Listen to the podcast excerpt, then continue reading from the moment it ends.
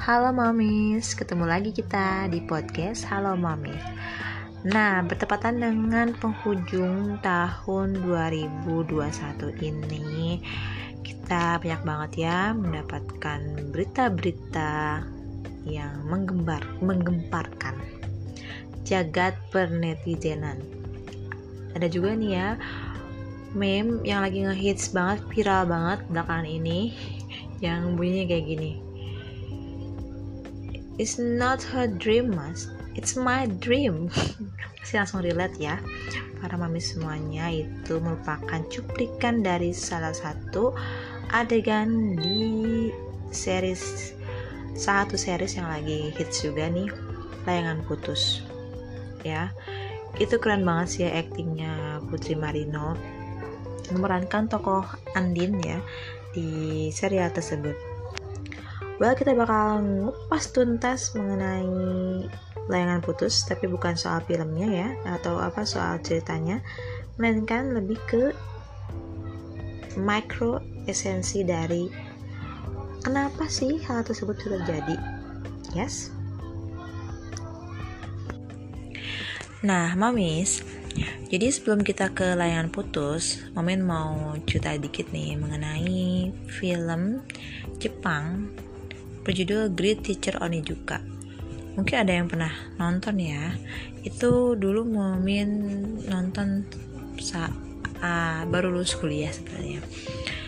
Jadi di film tersebut menceritakan mengenai seorang mantan preman ya, if I don't mistake lupa.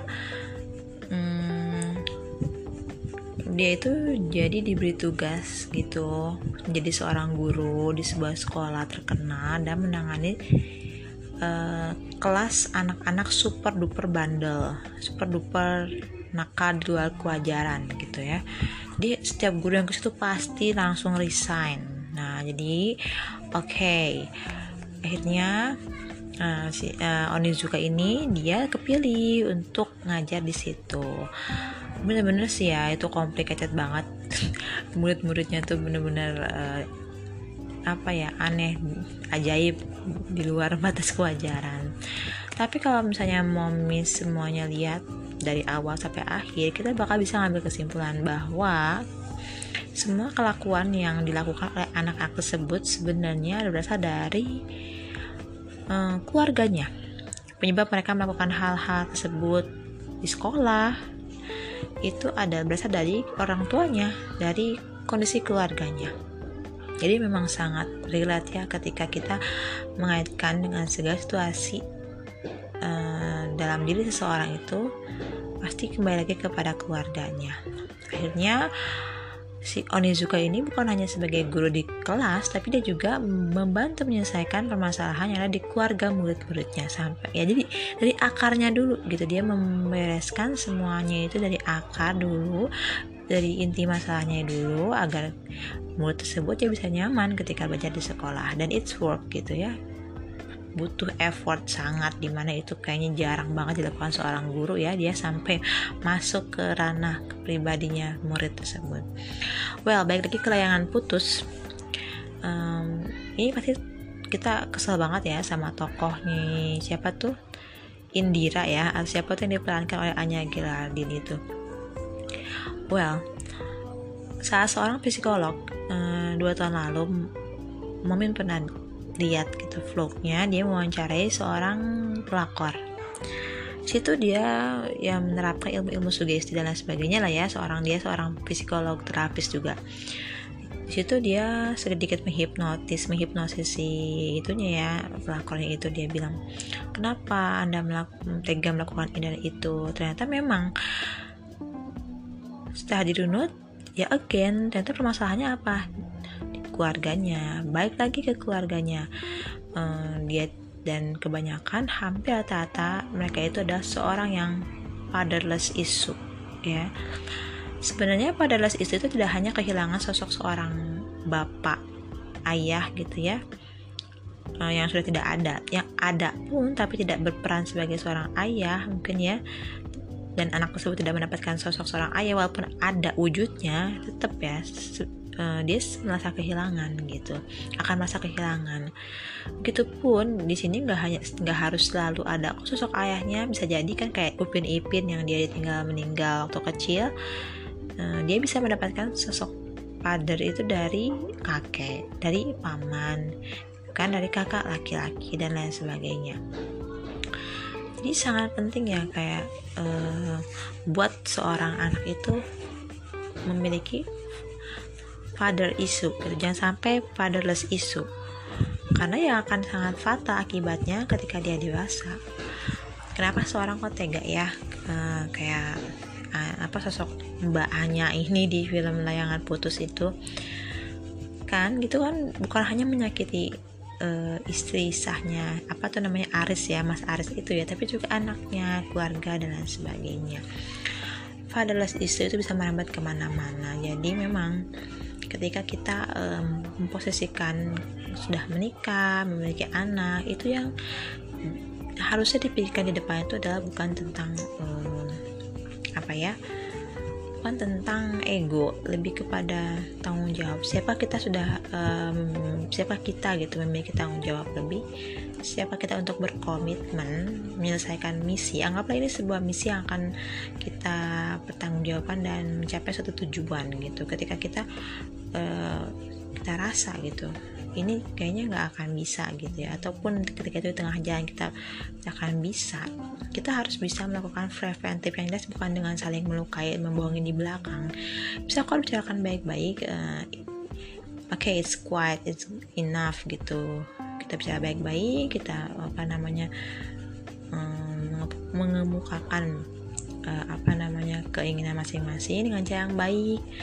Ya bersatu dengan baik bersatu dengan baik seperti itu. Atau ini masih bisa diselamatkan. Bagaimana dengan cara seperti apa? Lakukan banyak hal bersama-sama, bagi komunikasi uh, dan lainnya lah yang bisa dilakukan ya, gitu. Tanpa harus ada yang namanya mencederai atau siapa sih yang suka dibohongin ya enggak? Oke, okay? seperti itu. Jadi memang um, fatherless issue ini merupakan jika bakal yang sangat membahayakan dari sekarang untuk para dedis tolong ya maksudnya kalaupun semua pikiran dan juga uh, jiwa raga itu kerja tapi please luangkan waktu untuk kamu investasi pada anakmu dengan hadirnya dirimu dan juga ya jasadmu gitu ya untuk mereka gitu. Fungsi seorang ayah bagaimana untuk memberikan mereka perhatian dan kasih sayang yang cukup. Nah berhubung dengan fatherless isu. Dan kalau Mamin sendiri boleh cerita ya. Mamin ini justru seorang yang alhamdulillahnya full banget dengan father issue. Kenapa father issue? Karena ya alhamdulillah orang tua ada uh, ayah pun sosoknya juga ada perhatian. Dan juga uh, di keluarga mami itu kebanyakan adalah uh, sepupu dan paman laki-laki kan paman ya. Jadi hmm, mama itu cucu pertama perempuan. Jadi di rumah itu uh, kita sekeliling itu lingkungan itu adalah keluarga. Jadinya mami itu dikelilingi oleh keluarga-keluarga yang anaknya laki-laki semua gitu ya. Adik dari bapak pun juga laki-laki.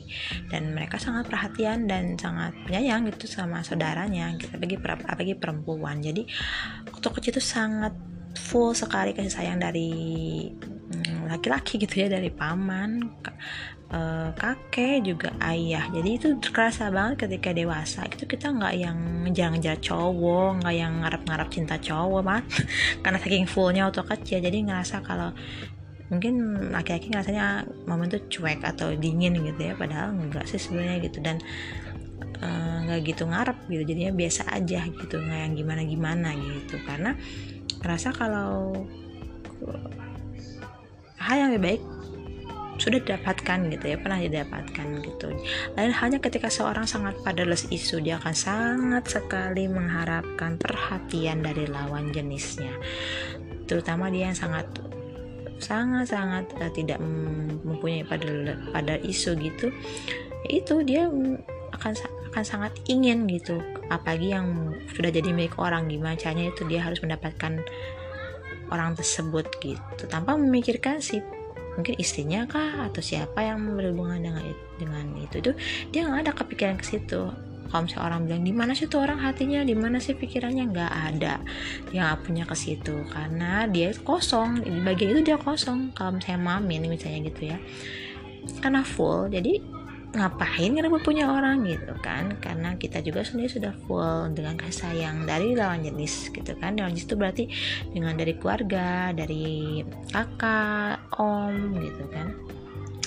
So jadi seperti itulah nah, kenapa kita harus aware tentang les isu ini mamis.